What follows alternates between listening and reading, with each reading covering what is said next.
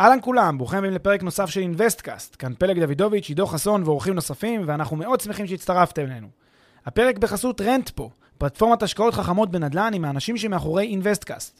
רנטפו מאפשרת לכם להשקיע בשקיפות וביעילות בנכסים מניבים, תוך ליווי וניהול מוקפד ומקצועי מקצה לקצה. היכנסו ל-rentpo.com, חפשו השקעה שמעניינת אתכם ותאמו איתנו פגישה דיגיטלית.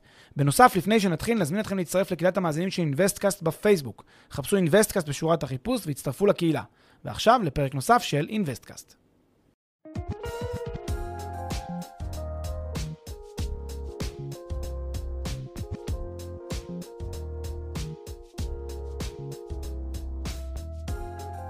שלום לכולם וברוכים הבאים לפרק מספר 71 של אינוויסטקאסט. נדבר היום על מהי בועת נדל"ן ואיך מזהים אותה. אהלן פלג, מה נשמע? היי ניר, מה קורה? מצוין, מצוין. אז קודם כל נתחיל בשאלה הראשונה, מה זו בועה?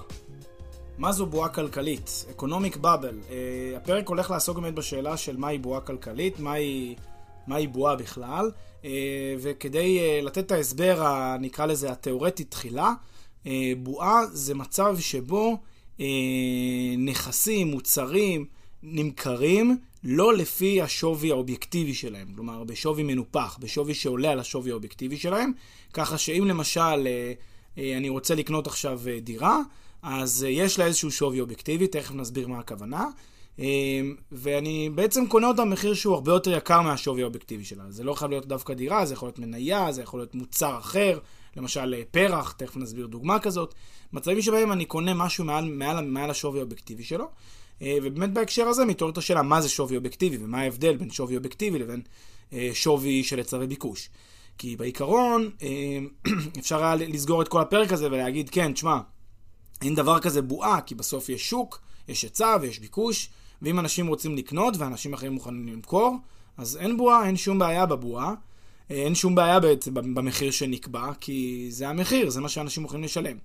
אז האמת היא שזה לא כל כך מדויק, ולמעשה יש מצבים שבהם המחיר שאנשים משלמים אותו מגלם בתוכו דברים שמנותקים מהשווי האובייקטיבי. זה בדיוק המצב שבו אנחנו מדברים כבר על בועה.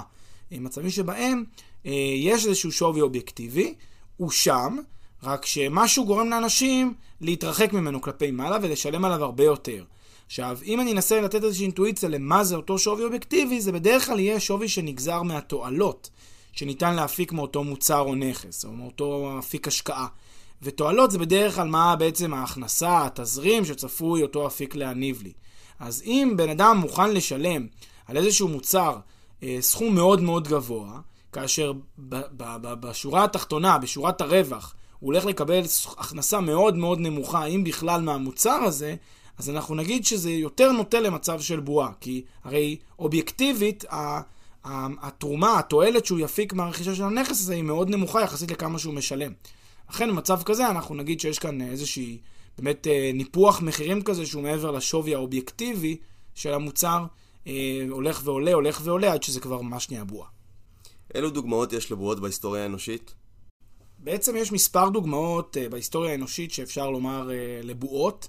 המפורסמת שבהם, לפחות ככה לפי ספרי הכלכלה, זה בועת הצבעונים בהולנד, פרח הצבעוני הטוליפ.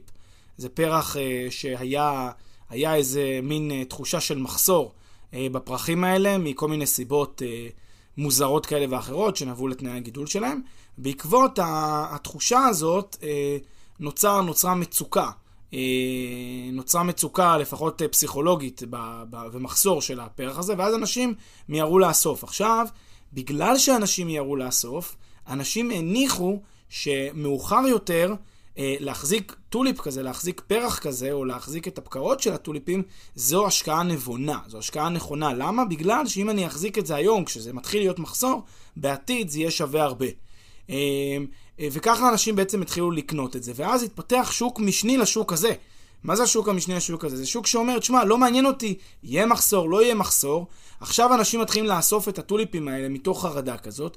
אני לא צריך להיות הרבה זמן בשוק. אני אקנה היום את הטוליפ הזה במחיר יחסית אה, נמוך, ועוד כמה חודשים, אפילו אם לא יהיה מחסור עדיין, אני אמכור אותו במחיר מספיק גבוה.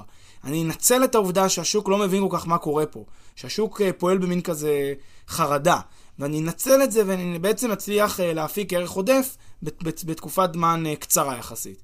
עכשיו, הראשון שעושה את זה, זה בסדר. בא עוד אחד אחריו, גם הוא עושה את זה, בא עוד אחד אחריו, גם הוא עושה את זה, ואז זה פתאום נהיה איזשהו עניין, איזשהו thing, שכולם בעצם מתחילים לקנות טוליפ רק בגלל שהם יודעים שאפשר לעשות, להתעשר במהרה על ידי רכישת הטוליפ. אף אחד לא מבין בכלל למה. כלומר, אנשים שקונים באותו שוק משני שקונה וקונה וקונה, אפילו לא יודעים כן מחסור, לא מחסור, הם לא יודעים למה. הם פשוט קונים כי הם מרגישים שזה, אה, שהמחירים של הטוליפים רק עולים ועולים. אז זו דוגמה אחת לטול, למשבר, לבועה שלימים גם התפוצצה. אה, הסיפור, זה סיפור שמדובר על המאה ה-17, אז עברו כמה אה, שנים מאז, אבל יש גם ממש בתקופה האחרונה, אנחנו עדים לפחות לשתי בועות, אה, אה, ספק שתי בועות קיימות. הראשונה זה באמת משבר הסאב פריים בארצות הברית, שאפשר לומר שהוא בועה, יש כאלה שיגידו שזה לא באמת בועה, כי הבעיה שם הייתה בעיה אחרת, בעיה של משכנתאות. בעיה בשוק המשכנתאות, לא בגלל, לא, לא בעיה שאנשים קנו ורצו להתעשר מרכישה לקנות ולמכור, לקנות ולמכור, אלא בעיה בשוק המשכנתאות. אז נשים את זה כמעין דוגמת סוגריים. דוגמה שאני חושב שיותר טובה היא כל מה שקשור לקריפטו קרנסי, אה, במיוחד לביטקוין, אה, שב-2017 הביטקוין נסק לשווי של כ-20 אלף דולר. אנשים קנו, עכשיו אני מכיר, אה, כן, טובים מחבריי קנו ביטקוין באותה תקופה, וכשאתה שואל אותם, בואו ספרו לי רגע מה זה ביטקוין, אז אחרי בערך שניים, שלושה משפטים נגמר להם הארסנל של מה שהם יכולים להסביר, ואז אני שואל אותם, אוקיי, בואו תספרו לי למה זאת השקעה טובה. אין תשובה. כלומר, יש שתיקה כזאת מוזרה, הם לא יודעים להסביר למה זאת השקעה טובה. ואז אתה מבין שכנראה הם, הם משקיעים בגלל שהם חושבים שזה יעלה, לא בגלל שזה השקעה טובה. למה הם חושבים שזה יעלה? כי הם שמעו שזה עולה, והם חושבים שזה אה, זמן טוב לקנות, כי הם שמעו שזה עולה, אז הם גם רוצים להצטרף לדבר זאת הזה. זאת אומרת, להתייחס לזה בעצם כנכס, כביטקוין, כמטבע דיגיטלי שהוא נכס ולא כמטבע. להתייחס אליו כאפיק השקעה, אתה מתכוון. כן. ולא כן, כמטבע. להשקעה. כן, אז, אז גם הטוליפים ראו אותם כאפיק השקעה, לא, כ, לא, כ, לא כפרח. ראו אותו כאפיק השקעה, וזה הסיפור. כי אנשים מת, מת, מתעלמים מהערך האמיתי, מהערך האובייקטיבי, האינטרינזי של הנכס, של האפיק ההשקעה הזה, מת, זה מאבד את, בעצם את הטבע שלו כאפיק, וזה הופך להיות מעין אה, כזה... אה, זה מאבד את הטבע שלו כמוצר, וזה הופך להיות, במלוא מטבע, זה הופך להיות ממש נכס להשקעה. אתה אגב קורא לדבר הזה פומו, נכון? Fear of missing out. בדיוק. בדרך כלל יש תופעה כזאת של אנשים שכשהם שומעים, כן, כולם קונים ביטקוין, אז אולי זה נכון לקנות ביטקוין. למה? ככה, כי אם אני לא אעשה את זה, אז מה, כולם יתעשרו ואני היחיד שלא יתעשר מהביטקוין? איזה מין אה, כזה חרדה מוזרה, אה, אה, לא להיות חלק, אה, לא, לא להיות חלק לא מה... לא לפספס את ההזדמנות. לא לפספס את ההזדמנות, ואז אתה שואל אותו, אבל מה, מה, מה ההזדמנות? מה קורה? אז הוא לא יודע להגיד יותר משניים שלושה משפטים.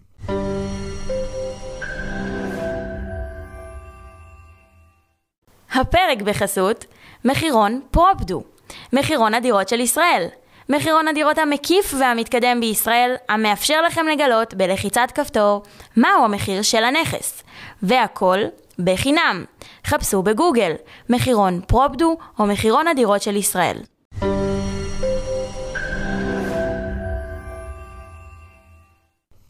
אוקיי, איך אנחנו נזהה בועה כלכלית? מה, מה הסממנים הראשוניים שלה?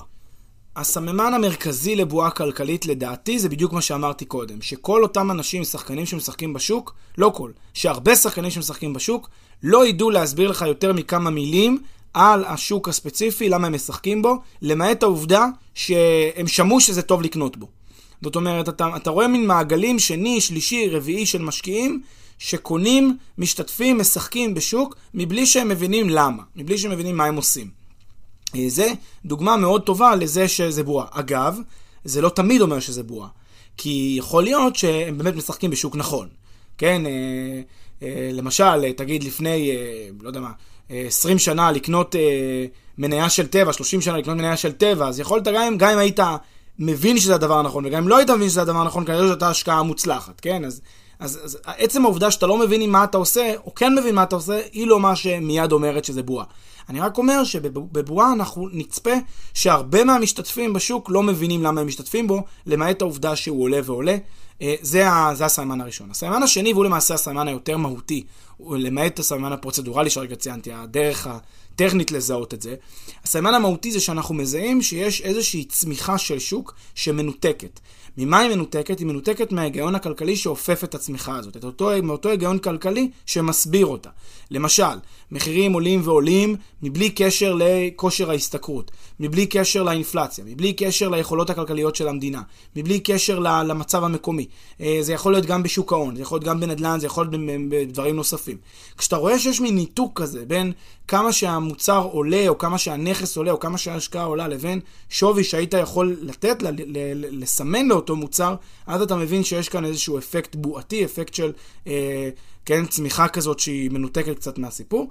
אה, וכדי לתת לזה עוד איזה דוגמה, נגיד שגם הרבה מאוד פעמים יש סיפור כלכלי שיש לו היגיון, ויש סיפור כלכלי שהוא מנותק מההיגיון. הרבה פעמים אנשים, מה שהם עושים, הם, הם מזהים איזושהי תופעה שקורית, עליות מחירים, ואז הם מתחילים להצמיד לה איזשהו סיפור כלכלי. הצד, הצדקה כזו. הצדקה, מה שנקרא בדיעבדית, או הצדקת ongoing כזה. זאת אומרת, זה לא שיש אירוע אמיתי שקורה, אלא הם אומרים, תשמע, המחירים עולים, אז כנראה זה בגלל ככה וככה. אז אתם תראו שבדרך כלל אנשים שמסבירים את הדברים האלה, רוב הדברים שהם, רוב ההסברים שהם נותנים לכם זה הסברים שניתן מאוד uh, לשמוט את הקרקע מאחוריהם. כלומר, דברים שלא בהכרח uh, יש להם אחיזה במציאות, זה בסדר, אז אתה אומר ש... ש לא יודע מה, ש, המניה הזאת עולה ועולה בגלל ש... לא יודע מה, כי, כי ככה קורה בתחום הביו-רפואה, אבל אני דווקא הסתכלתי, אני רואה דווקא שיש פחות ביקוש היום בתחום הביו-רפואה, דווקא בתחום הזה יש אה, אה אנשים, אה, לא יודע מה, לא, לא צריכים את המוצר הזה, ודווקא יש פיתוחים בחקר הסרטן, לא משנה, כל מיני דברים שבעצם אה, בן אדם נותן כאילו כדי לשכנע את עצמו שהוא עושה דבר נכון, כי הוא מבין שהוא באיזושהי תחושה של בועה, אז הוא מתחיל לספר איזשהו סיפור שאחר כך כשאתה מאמת אותו עם העובדות, הוא לא מצליח כל כך אה, ליישב את הדברים בצורה, בצורה נכוחה. אוקיי, אז דיברנו עכשיו על בועה כלכלית ונתנו את מספר דוגמאות ועל הסממנים. אה, אני רוצה שנצלול טיפה עכשיו אה, לשוק הנדל"ן. מה זה בעצם בועה בשוק הנדל"ן? בועה בשוק הנדל"ן היא בדיוק כמו בועה בכל שוק אחר, אה, כמו כל שוק השקעות, כל שוק של נכס, נכסים, כל אפיקי השקעה אחרים, אלא שמדובר בשוק הנדל"ן. ואז בעצם אנחנו מסתכלים על סיטואציה שבה יש לנו למשל נכסים שיש להם ערך שהייתי אומר ערך אובייקטיבי, ערך אינטרינזי, ערך הגיוני שהגיוני לשלם עליו, ופתאום אתה מזהה שהנכסים האלה קופצים, עולים בערכם. עכשיו, צריך פה לשים את ההבחנה מאוד יפה בין עליות מחירים שנובעים בגלל היצע וביקוש תקינים, לבין עליות מחירים שנובעים בגלל, אה, כן, זה לא בגלל היצע וביקוש תקינים, אלא בגלל עודפי ביקוש במצב הראשון, שהוא תקין, לבין עודפי ביקוש שהם לא תקינים, עודפי ביקוש שנובעים בגלל סיבה אחרת. עכשיו, איך מזהים עודפי ביקוש שהם תקינים? אתה שואל את עצמך, אוקיי, למה יש באמת עודפי ביקוש בשוק הזה? למה המחירים עולים? אז בוא נסתכל נגיד על, על, על, על, מדינתנו הקטנה, ישראל, נסתכל על שוק הנדל"ן בישראל, נגיד בדגש על תל אביב או גוש דן. אתה יודע שבישראל יש ערך מאוד מאוד גדול לגור בגוש דן, בגלל הקרבה למערים המרכזיים של תל אביב, ואתה יודע שהרבה אנשים רוצים לגור בגוש דן מאשר לגור שעה, שעה וחצי נסיעה מגוש דן. לא כולם כמובן, אבל יש הרבה שרוצים. אה, אנחנו יודעים שלמשל שתשתיות תחבורה ציבורית לא מספיק טובות בישראל, אנחנו יודעים שיש אה, פקקים, אנחנו יודעים ש... בקיצור, יש שלל סיבות מאוד מאוד טובות שאנשים רוצים לגור במרכז ומעדיפים לשלם על כך יותר. ועכשיו אתה שואל את עצמך את השאלה, האם זה שהמחירים במרכז עולים ועולים ועולים, זה בגלל בועה, או שזה בגלל שבאמת יש איזשהו מודפי ביקושים? האם זה בגלל שיש uh, הרבה אנשים שרוצים uh, לקנות נכסים בשוק הזה, או שזה בגלל שיש uh, uh, אנשים ששומעו שזו השקעה טובה ולכן הם החליטו גם להיכנס, כי חבר שלהם סיפר להם שזאת השקעה טובה. ואני חושב, וכבר הרבה שנים מדברים על זה ששוק הנדל"ן בישראל, ובפרט בתל אביב, הוא בועתי, אני חושב שזה ממש ממש לא המצב. אני חושב שבשוק הנדל"ן בתל אביב יש מחסור חמור בהיצע. בישראל בכלל, בתל אביב בפרט, בגוש דן, כן? מחסור חמור בהיצע. זה מתחיל גם במחסור בהיצע קרקעות, כן? אין עתודות קרקע, וגם אה, האופי הבנייה הוא יחסית נמוך, אין, אין פה בנייה לגובה יותר מדי במרכז, במרכז הארץ, אה, ולמעשה יש אה, מחסור בהיצע, שגורם לזה שיש כמעט תמיד עודפי ביקוש. עכשיו, איך אני יודע שזה לא בועה? או איך, למה אני מרגיש שזה לא בועה? כי אני רואה שהנה, אתה רואה עכשיו יש עצירה במחירים, המחירים נעצרו, העליות נעצרו. למה הם נעצרו? הם נעצרו כי אנשים שקנו נכסים, קונים את זה כמעט על אף... על, אתה יודע, בעל כורחם הם קונים נכס. הם רוצים לגור במרכז לא כי הם רואים את זה כהשקעה טובה או כי הם רוצים ליהנות מעליות המחירים. אנשים קונים נכס כי הם צריכים, יש להם ממש צורך. ואתה רואה שהיום המחירים נעצרו כי די, כי אנשים כבר לא יכולים לשלם את המחיר הזה כבר. כי זה קשה להם. אז עכשיו, אם יקרו פה כמה דברים למשל בשוק, למשל נגיד השכר הממוצע יעלה, או, או תמשיך צמיחה, אז, אז עוד ועוד יקנו והמחירים ימשיכו לעלות, וככה גם צופים. צופים שבגלל שתמשיך פה הצמיחה והתמ"ג עולה ועולה, אז אנחנו נראה שאנשים יקנו והמחירים ימשיכו לעלות, ימשיך להיות ביקוש. אבל הביקוש הוא אמיתי, הוא ביקוש שנובע בגלל מחסור גדול בהיצע. בגלל שאין לאנשים את ה... אה, אה, ואנשים כמעט בעל כורחם קונים נכס במרכז הארץ, רק כי הם צריכים לגור. עכשיו, זה שונה מסיטואציות שבהן יש שווקי נדל"ן שהסיפור הוא למעשה הפוך.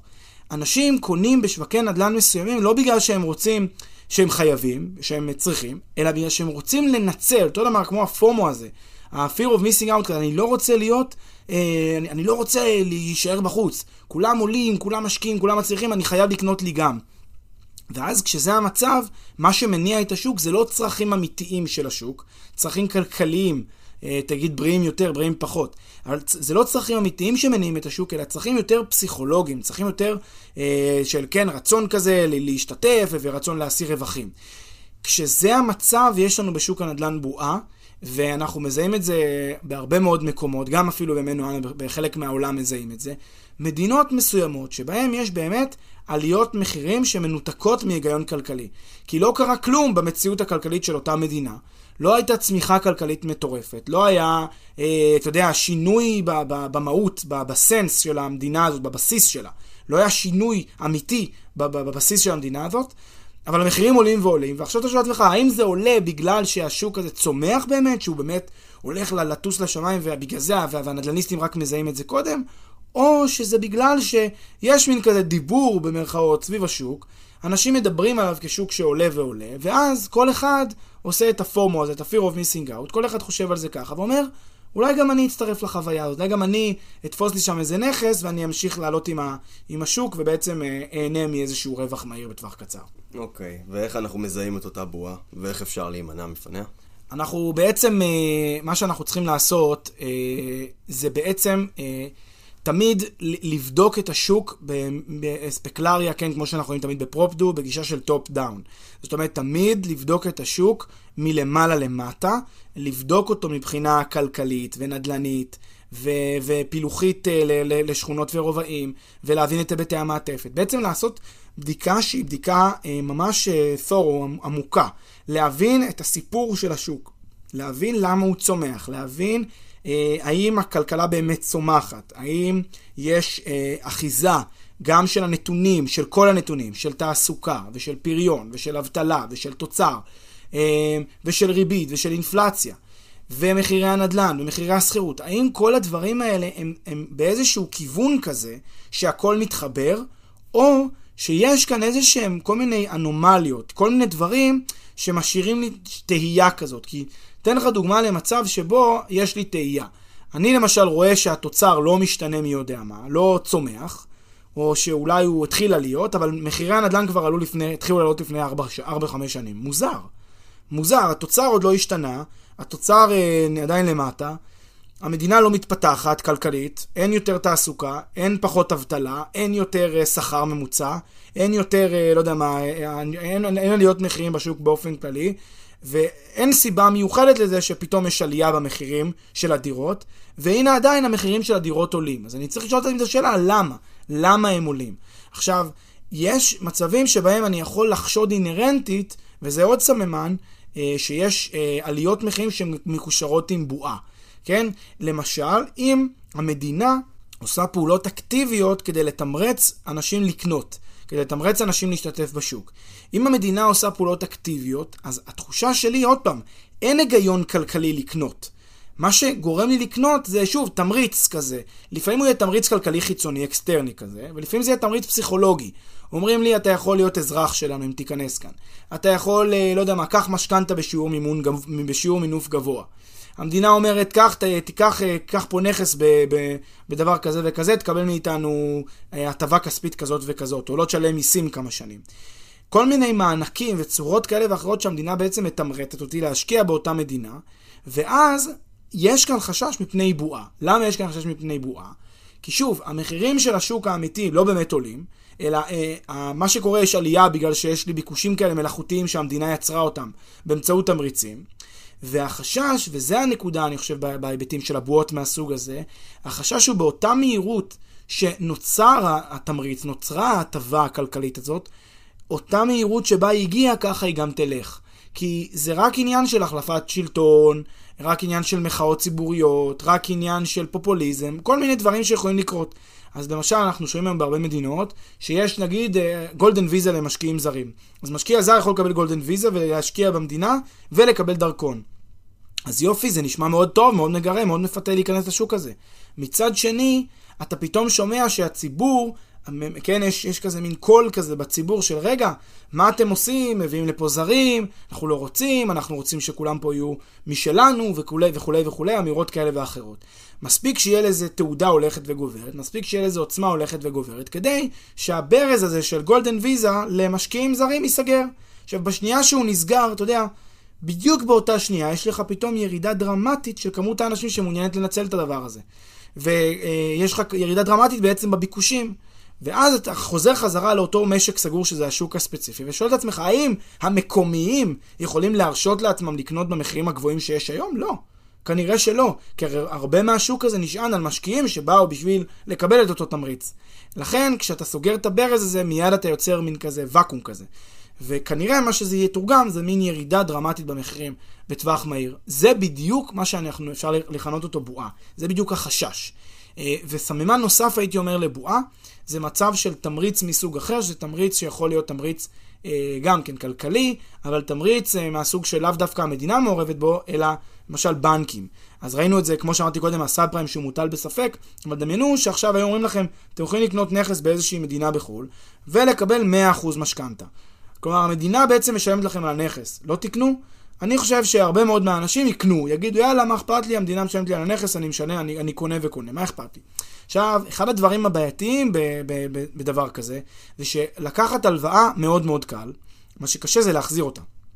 וקשה לעמוד בהחזרי ההלוואה, אה, וככל שאנחנו מעמיסים על עצמנו עוד ועוד גם אה, אה, מחויבויות אחרות ועוד מאוד הוצאות כספיות, אנחנו עשויים להגיע למצב של דיפולט. והחשש הוא כשמתמרצים אותי לקחת הלוואות, ואני לא היחיד שמתמרצים אותו, מתמרצים הרבה אנשים לקחת הלוואות. אז שוב, יש לך עודפי ביקוש, כי פתאום המון אנשים באים וקונים נכסים, המחירים עולים ועולים, השוק צומח וכולם מרוצים. במיוחד מי שמרוצים זה אותם אה, פיננסיירים, אותם בנקאים, אותם יועצי משכנתאות שנהנים פה מהתהליך הזה, הם ללא ספק מרוצים. מי לא מרוצה? דווקא אני חושב שהמשקיעים צריכים להיות לא מרוצים, כי באותה תקופה שהם שם, אז א', יש להם חשש עצמי שהם לא יעמדו בהחזרי ההלוואה, אבל לא פחות חמור מכך, יש חשש שהעובדה שאחרים לא יעמדו בהחזרי ההלוואה שלהם, תמוטט את השוק. כי מספיק שיש פה איזה מין תהליך של קצת אה, רעידות, אנשים, יש איזה אי יציבות, פתאום איזה קורונה כזה בסין, פתאום איזה משהו, התיירות שם אה, משתגעת, משהו קורה שם במדינה, פתאום אנשים לא מצליחים לעמוד בהחזרים החודשיים, עוד חודש, עוד חודש, עוד חודש, ככה שלושה ארבעה חודשים שיש, בנקים מתחילים לממש את הנכסים. וכשזה המצב יש לך פתאום עודפי היצע, וכשיש לך עודפי היצע המחירים יורדים, וכשהמחירים יורדים, אנחנו חוזרים לאותו בנצ'מארק של המימון. הבנק רואה שהמחירים יורדים, אז עכשיו הוא כבר לא מוגן במשכנתה שלו. המשכנתה שלו, רובד המשכנתה כבר לא מוגן. וכשזה המצב, הוא יממש גם את מי שאפילו אה, משלם לו את, את החוב חודש בחודשו. כי הוא לא ייקח סיכון שמחר השוק הזה מתרסק, אז הוא גם יממש לכל מי שהוא יכול. והנה, יצרת פה בועה שנובעת כל כולה שוב מאיזשהו תמריץ אקסטרני לשוק, ויצרת בצורה מלאכותית מעין ביקושים. האם זה ביקושים כלכליים? כנראה שזה לא מדויק.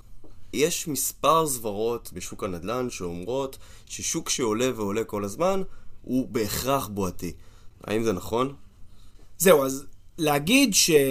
שזה ששוק עולה ועולה זה סימן שזה בועה, זה בעצם מין, אתה יודע, כזה מין אה, מיתוס כזה, שאנשים מסתכלים ורואים איזושהי צמיחה רב-שנתית, ואז אומרים, טוב, זה בועה, זה בוודאי שזה בועה. אה, או כמו שתשאל אה, מקומיים שגרו כל חייהם, נגיד, ב... בבאר שבע ויגידו לך, מה פתאום לשלם כזה מחיר בדירה בבאר שבע? נו, אוקיי. אז, אז כן, אז המציאות משתנה. כשהתל"ג בישראל עולה ל-45 אלף דולר לנפש, אז כן, אז המציאות משתנה. אז כוח הקנייה של הציבור בישראל יכול לאפשר לו לקנות דירה במחיר גבוה יותר, אז יש יותר כסף. וכשיש יותר כסף אפשר לקנות דירה במחיר יותר גבוה, ואז יש סיבה, הצדקה לזה שהמחיר בבאר שבע עולה.